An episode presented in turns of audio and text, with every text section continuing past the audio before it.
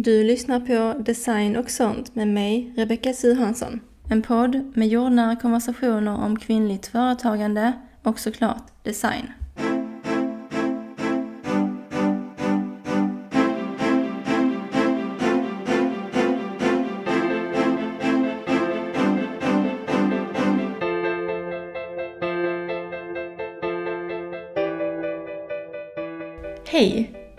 Detta avsnittet tänkte jag att vi ska prata om logotyper och vad det är som gör en logotyp bra och dålig.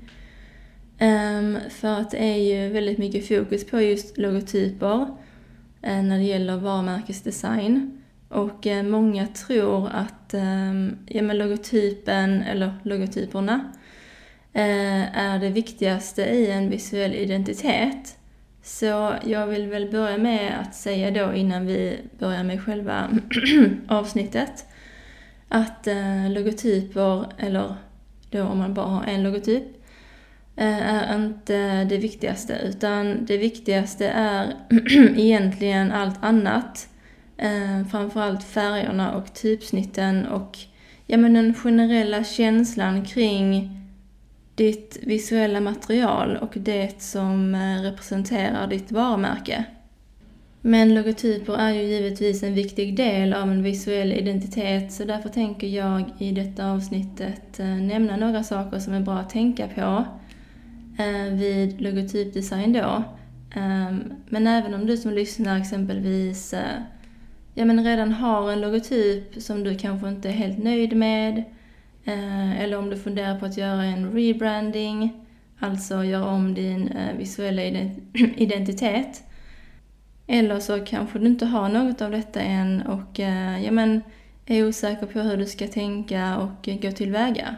Så med andra ord, även om du redan har en logotyp eller kanske en hel visuell identitet kan du ändå få värde av detta avsnittet. Jag kommer i alla fall att fokusera på eh, det mer praktiska och eh, tekniska kring logotypdesign. Eh, just för att själva utformningen och vad som ska stå och sånt är ju ganska subjektivt men också väldigt individuellt för vilket varumärke som ska ha logotypen. Och de sakerna jag kommer att fokusera på är typsnitten, filformaten, varianterna, färgerna och unikheten samt legitimiteten. Så om vi börjar med typsnitten då. Eh, det är ju en otroligt viktig del av en logotyp eftersom att de flesta logotyper består av text. Eh, inte enbart kanske, men eh, mestadels. Och oavsett om man har mycket text eller lite text i sin logotyp så är det, alltså jag skulle säga avgörande vad man väljer för eh, typsnitt. Och just det här skulle jag nog säga är det absolut vanligaste misstaget jag ser eh, när det kommer till logotyper. Eh, jag menar att man har ett typsnitt som är dels olämpligt för ja, men själva varumärket och verksamheten, men också eh, otydligt. Jag har ju skrivit inlägg på min Instagram eh, om vad som är ett bra typsnitt. Eh, men jag tänker att jag tar det här också för dig som inte har sett dem. Eh, och ett bra typsnitt är ju då ja, men ett typsnitt som dels är tydligt, alltså det ska gå att läsa utan att man ska behöva anstränga sig. Um, och så ska det gärna vara, just när det gäller varumärkesdesign, um, så föredrar jag när jag designar att välja typsnitt som har eh, varianter. Alltså typsnitt som inkluderar olika stilar och vikter. Eh, det vill säga exempelvis eh, kursiv, fet, lätt, normal och så vidare. Något annat jätteviktigt är att typsnittet bör inkludera Å, Ä, Ö, alla siffror och alla specialtecken. Eh, för att annars blir det ju väldigt svårt att skriva en eh, mening till exempel. Ehm, alltså många typsnitt är ju designade för engelska eh, och har därför inte Å, Ä och Ö. Och man vill ju kunna skriva på svenska utan att det blir en massa fyrkanter överallt i texten. Så därför är det superviktigt att kolla upp detta innan man väljer typsnitt. Sen är det så att man ofta har fler än ett typsnitt i en logotyp. Och eh, då är det viktigt att tänka på att de ska fungera tillsammans. Eh, och jag gjorde nyligen ett inlägg om detta på min Instagram. Eh, det här med att kombinera olika typsnitt. Och det här är också ett sånt där vanligt misstag jag ser väldigt ofta. Att man har valt typsnitt som inte alls fungerar bra tillsammans eller att man har valt för många typsnitt. Och jag nämnde ju innan det här med att eh, det är vanligt också att man väljer typsnitt som inte är lämpliga för ens varumärke. Och jag kan ju förklara vad jag menar med det för att det kanske inte är helt självklart. Alltså med lämpligt så menar jag då ett typsnitt som eh, ja, men går i linje med hur man vill framstå. För att eh, det är ju en hel grej det här med psykologin bakom typsnitt eh, och typografi. Och det skulle jag kunna ha ett helt eget avsnitt om. Men för att hålla det kort så, ja men eh, vissa typsnitt associerar vi med vissa typer av känslor. Om vi tar ett exempel. Ehm, man kanske är fastighetsmäklare. Då vill man ju framstå som professionell och seriös.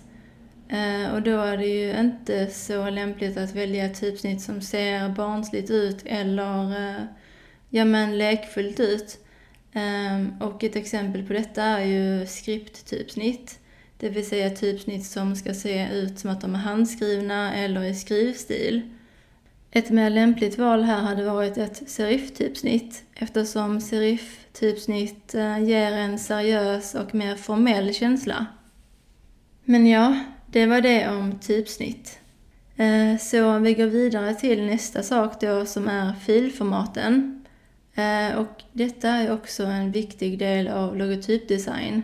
Att ha sin logotyp eller sina logotyper i olika filformat. Eftersom ett filformat är inte lämpligt för alla typer av situationer och sammanhang. Eh, och eh, alla olika filformat har ju också sina speciella ehm, användningsområden och funktioner. Som ett exempel, PNG-filer kan man ju spara ner med transparent eller genomskinlig bakgrund, vilket man inte kan med JPEG. Och just logotyper vill man ju ha utan bakgrund så att man kan använda dem på vilket underlag som helst. Liksom har man sin logotyp i JPEG med kanske rosa bakgrund eh, och vill använda den på sin hemsida där det är vit bakgrund så blir det ju väldigt svårt att få det att se bra ut. Och när vi ändå pratar om det här med användningsområden eh, så är vektor ett bra exempel eftersom det är ett filformat som inte man kan skapa i vilket redigeringsprogram som helst. Eh, utan det krävs att man har ett program som ehm, ja, men är till för att hantera och skapa vektorfiler. Och vektor är en typ av filformat som eh, gör att man kan skala upp eller då förstora sin ja, men då logotyp i det här fallet eh, hur mycket som helst utan att eh, det tappar kvalitet eller blir pixligt. Så av den anledningen tycker jag att det är en typ av filformat som alla borde ha sin logotyp eller sina logotyper i. Jag kan ju nämna de vanligaste vektorformaten eh, och det är SVG, PDF, EPS och eh, specifika redigeringsprograms egna filformat. Nu blev det kanske lite överkurs, men jag tycker ändå att det var värt att nämna. Men eh, då går vi vidare till nästa del, som är varianterna. Och eh, du kanske har märkt att jag har sagt logotypen eller logotyperna i, eh, ja, tidigare i det här avsnittet. Och du kanske tänker att, men vadå, man har väl bara en logotyp? Men med logotyperna så syftar jag på den primära logotypen och logotypvarianterna.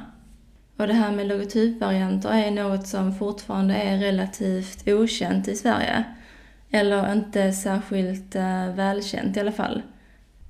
För min känsla är ju att det vanligaste här i Sverige är att bara beställa en logotyp. Eh, men utomlands så är ju det, eh, ja men branscherna där är lite mer utvecklade. Och eh, där beställer man ju ofta som företagare eh, en hel logotypuppsättning. Det, vill säga det som jag nämnde innan med en primär logotyp och logotypvarianter. Eh, och jag ska berätta lite grann om vad logotypvarianter är för dig som inte vet. Jag har gjort en del inlägg om även detta på min Instagram. Just för att jag känner att det är någonting som måste ja, bli vanligare här i Sverige. För att eh, det här med att bara beställa en logotyp eh, och inte ens beställa en hel visuell identitet är inte hållbart i längden överhuvudtaget. Eh, för att enbart en logotyp gör egentligen inte så mycket för ett varumärke. Utan en logotyp är bara en logotyp. Eh, och sen är det som sagt, eh, som jag nämnde i början av det här avsnittet, eh, allt annat visuellt kring varumärket är ju det som gör ett varumärke minnesvärt. Och eh, ja, men vi har mycket lättare för att komma ihåg och minnas färger exempelvis, än att komma ihåg namn och logotyper. Så för att hålla det kortfattat är logotypvarianter precis som det låter varianter av din primära logotyp. Ehm, och anledningen till varför man har logotypvarianter och varför det är så viktigt att ha är för att de är liksom utformade på olika, eller på andra sätt än den primära. Och därför så blir det ett varumärke, eh, alltså den visuella identiteten blir mycket mer flexibel och eh, mångsidig. Den primära logotypen är ju som det låter, den primära. Så att den eh, brukar liksom ha mest detaljer, mest text. Ehm, och eh, varianterna är då till för att komplettera den primära logotypen. Eh, för att om du då enbart har en logotyp eh, som kanske är byggd på höjden så passar inte den i sammanhang där ja, men det inte finns så mycket utrymme, och där det kanske hade varit mer lämpligt med en liggande logotyp som är mer avlång. Och då hade det varit bra att ha en logotypvariant som du kan använda där. Samma sak med exempelvis sociala medier eh, och profilbilderna. De beskärs ju ofta som en cirkel eller som en fyrkant. Och eh, har du då en logotyp som är bara helt avlång och liksom liggandes så kommer den inte synas så bra i en fyrkant eller en cirkel. Så där hade du behövt en logotyp eller en logotypvariant som hade, ja, men som hade varit mer eh, byggd på höjden och mer eh, lämplig för den formen. När jag designar en hel uppsättning av logotyper till, eh, eller för ett varumärke så designar jag alltid en primär logotyp då som är eh, den mest detaljrika ehm, en liksom mer enkel version av den. En liggandes då eller i, Ehm, alltså som är utformad på ett annat sätt än den primära så att den kan komplettera den. Och eventuellt då en symbol eller ett, eh, ett monogram eller så som bara är en väldigt fin och minnesvärd detalj. Ehm, och det är också en sån grej det här med att ha ehm, minst en logotypvariant som är en simplare version av din primära logotyp. För att om du har en logotyp som är ganska detaljrik eh, med kanske mycket text eller väldigt liten text så kommer inte den att se så bra ut i litet format. Alltså när, ja men exempelvis då som en profilbild på Instagram. Där ser man ju inte den så tydligt eller så nära så där behöver man en mer simpel version, kanske ett monogram eller en symbol eller eh, liknande. För det är ju väldigt synd om man har en logotyp där man inte ens kan läsa texten eh, när den visas i mindre format. Och nu när vi ändå är inne på det här med varianter så är det ju också jätteviktigt att ha sina logotyper i olika färgvarianter. Det vill säga att ha en uppsättning med eh, där de är vita, en uppsättning med svarta, en uppsättning kanske med eh, färg Eh, och så vidare. För att, eh, och alla då såklart med genomskinlig bakgrund. För det kommer att underlätta så otroligt mycket för dig när du skapar visuellt material för ditt varumärke. Så om du som lyssnar bara har en logotyp så rekommenderar jag verkligen att eh, anlita en designer som kan ta fram en hel uppsättning av logotyper till dig Eh, och föredragsvis då en hel visuell identitet om du inte redan har det. För att som sagt, detta underlättar otroligt mycket för resten av det visuella materialet som tas fram för ditt varumärke och för din marknadsföring. Så det var det jag hade att säga om logotypvarianter och då att ha dem i olika färguppsättningar. Eh, så då går vi vidare till den sista delen Eh, som är unikheten och jag skrev även eh, ner här legitimiteten. Och anledningen till varför jag la ihop de här till en eh, punkt är för att de hänger lite grann ihop. Ehm, för det här med unikheten, det kanske låter lite eh, flummigt eller oklart men med det menar jag att exempelvis om du designar din logotyp i Canva så är inte din logotyp unik eh, om du exempelvis använt dig av ja, men Canvas inbyggda typsnitt och element och så vidare. Eh, och du kan liksom inte eh, äga en logotyp som du har designat via en tredje part, eller vad man ska säga. Alltså, det är därför man ska anlita en designer som kan ta fram en helt unik visuell identitet för, ja, men som bara är unik för dig och ditt varumärke. Och det här med legitimiteten som jag nämnde handlar om att alltså många gör misstaget att de designar sin logotyp eller eh, visuella identitet själv. Och man har kanske inte koll då på licenser och liksom det juridiska. Eh, så man använder sig av liksom, jag, men, jag vet inte, Helvetica eller Arial. Eller något annat typsnitt som egentligen man behöver en licens för att få använda kommersiellt. För när, alltså när du designar, eller alltså för just varumärkesdesign, när du gör saker för ditt varumärke, exempelvis då logotyper, så um, alltså gör, så räknas det som kommersiellt. Uh, och då måste du i många fall köpa licenser för att kunna få använda exempelvis ett typsnitt. Uh, och det är någonting som många inte har koll på och som man faktiskt kan hamna, kan hamna i mycket trubbel för. Alltså onödigt juridiskt eh, strul som uppstår för att eh, man kanske blir stämd eller för att eh, ja, men man har helt enkelt inte rättigheterna till att använda de sakerna som man har använt när man har designat. Självklart finns det ju många eh, jättefina gratis typsnitt man kan använda sig av eh, som man får använda kommersiellt också. Men det jag menar är liksom det här med att det finns en del saker, juridiska saker man måste ha koll på om man nu ska designa sin visuella identitet själv. Eh, för att något jag ser väldigt ofta är, eller rättare sagt någonting som är väldigt vanligt är ju att folk designar sin logotyp i exempelvis då Canva. Och Canva, alltså de har ju sådana här logotypmallar eh, så att de gör ju det väldigt lätt för folk att liksom använda dem och bara liksom slänga in sitt eget namn och så. Och de består ofta av olika typer av element, alltså illustrationer, symboler eller, eller så, och alltså för att göra det mer dekorativt. Och det är just de här sakerna som man måste ha koll på, för att som sagt, du kan inte äga en logotyp som du designar i Canva. Canva har ju faktiskt sina allmänna villkor och så som man kan läsa på deras hemsida. Men det är inte alls många som gör det ju. Um, och uh, det är ju det här med att anledningen till varför man inte kan äga en logotyp exempelvis eller ett varumärkeselement via dem är för att det är ju såklart folk som har suttit och designat dels mallarna i Canva men även elementen, alltså symboler och eh, illustrationer och sånt. Och samma sak med typsnitt generellt. Det är alltid någon som har designat själva typsnittet och de ska ju såklart ha betalt om det är ett eh, premium eller så, typsnitt som man måste betala för. Men det jag vill komma till är väl att man måste ha koll på detta innan man designar något för sitt varumärke.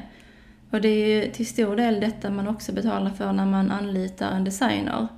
Eh, det vill säga allt förarbete som vi gör, alltså det här med att vi kollar upp eh, licenser och ser till att allting, att vi får lov att använda allting vi använder så det är ju den här unika aspekten du betalar för, det här med att en designer har tagit fram detta enbart för dig och ditt varumärke.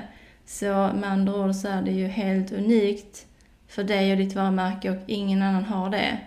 Så för att sammanfatta avsnittet, se till att välja lämpliga typsnitt. Se till att ha din logotyp och dina logotypvarianter i olika filformat. Eh, se till att du har logotypvarianter och inte enbart en logotyp. Eh, och ha dem då i olika färguppsättningar så att du inte bara har dem i en färg. Eh, och till sist då, se till att allting kring ditt varumärke är unikt eh, och att du får lov att använda allting. Och slutligen, det bästa rådet. Ta hjälp av en varumärkesdesigner om du nu inte kan göra allt själv.